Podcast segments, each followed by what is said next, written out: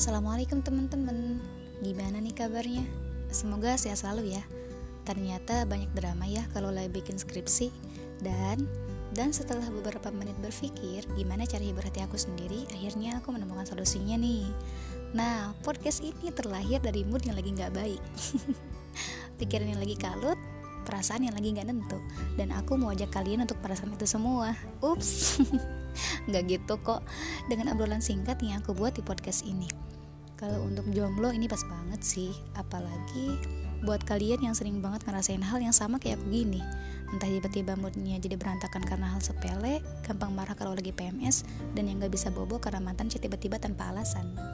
Yap, karena di podcast ini aku sediakan juga dongeng sebelum bobo, jadi selamat mendengarkan.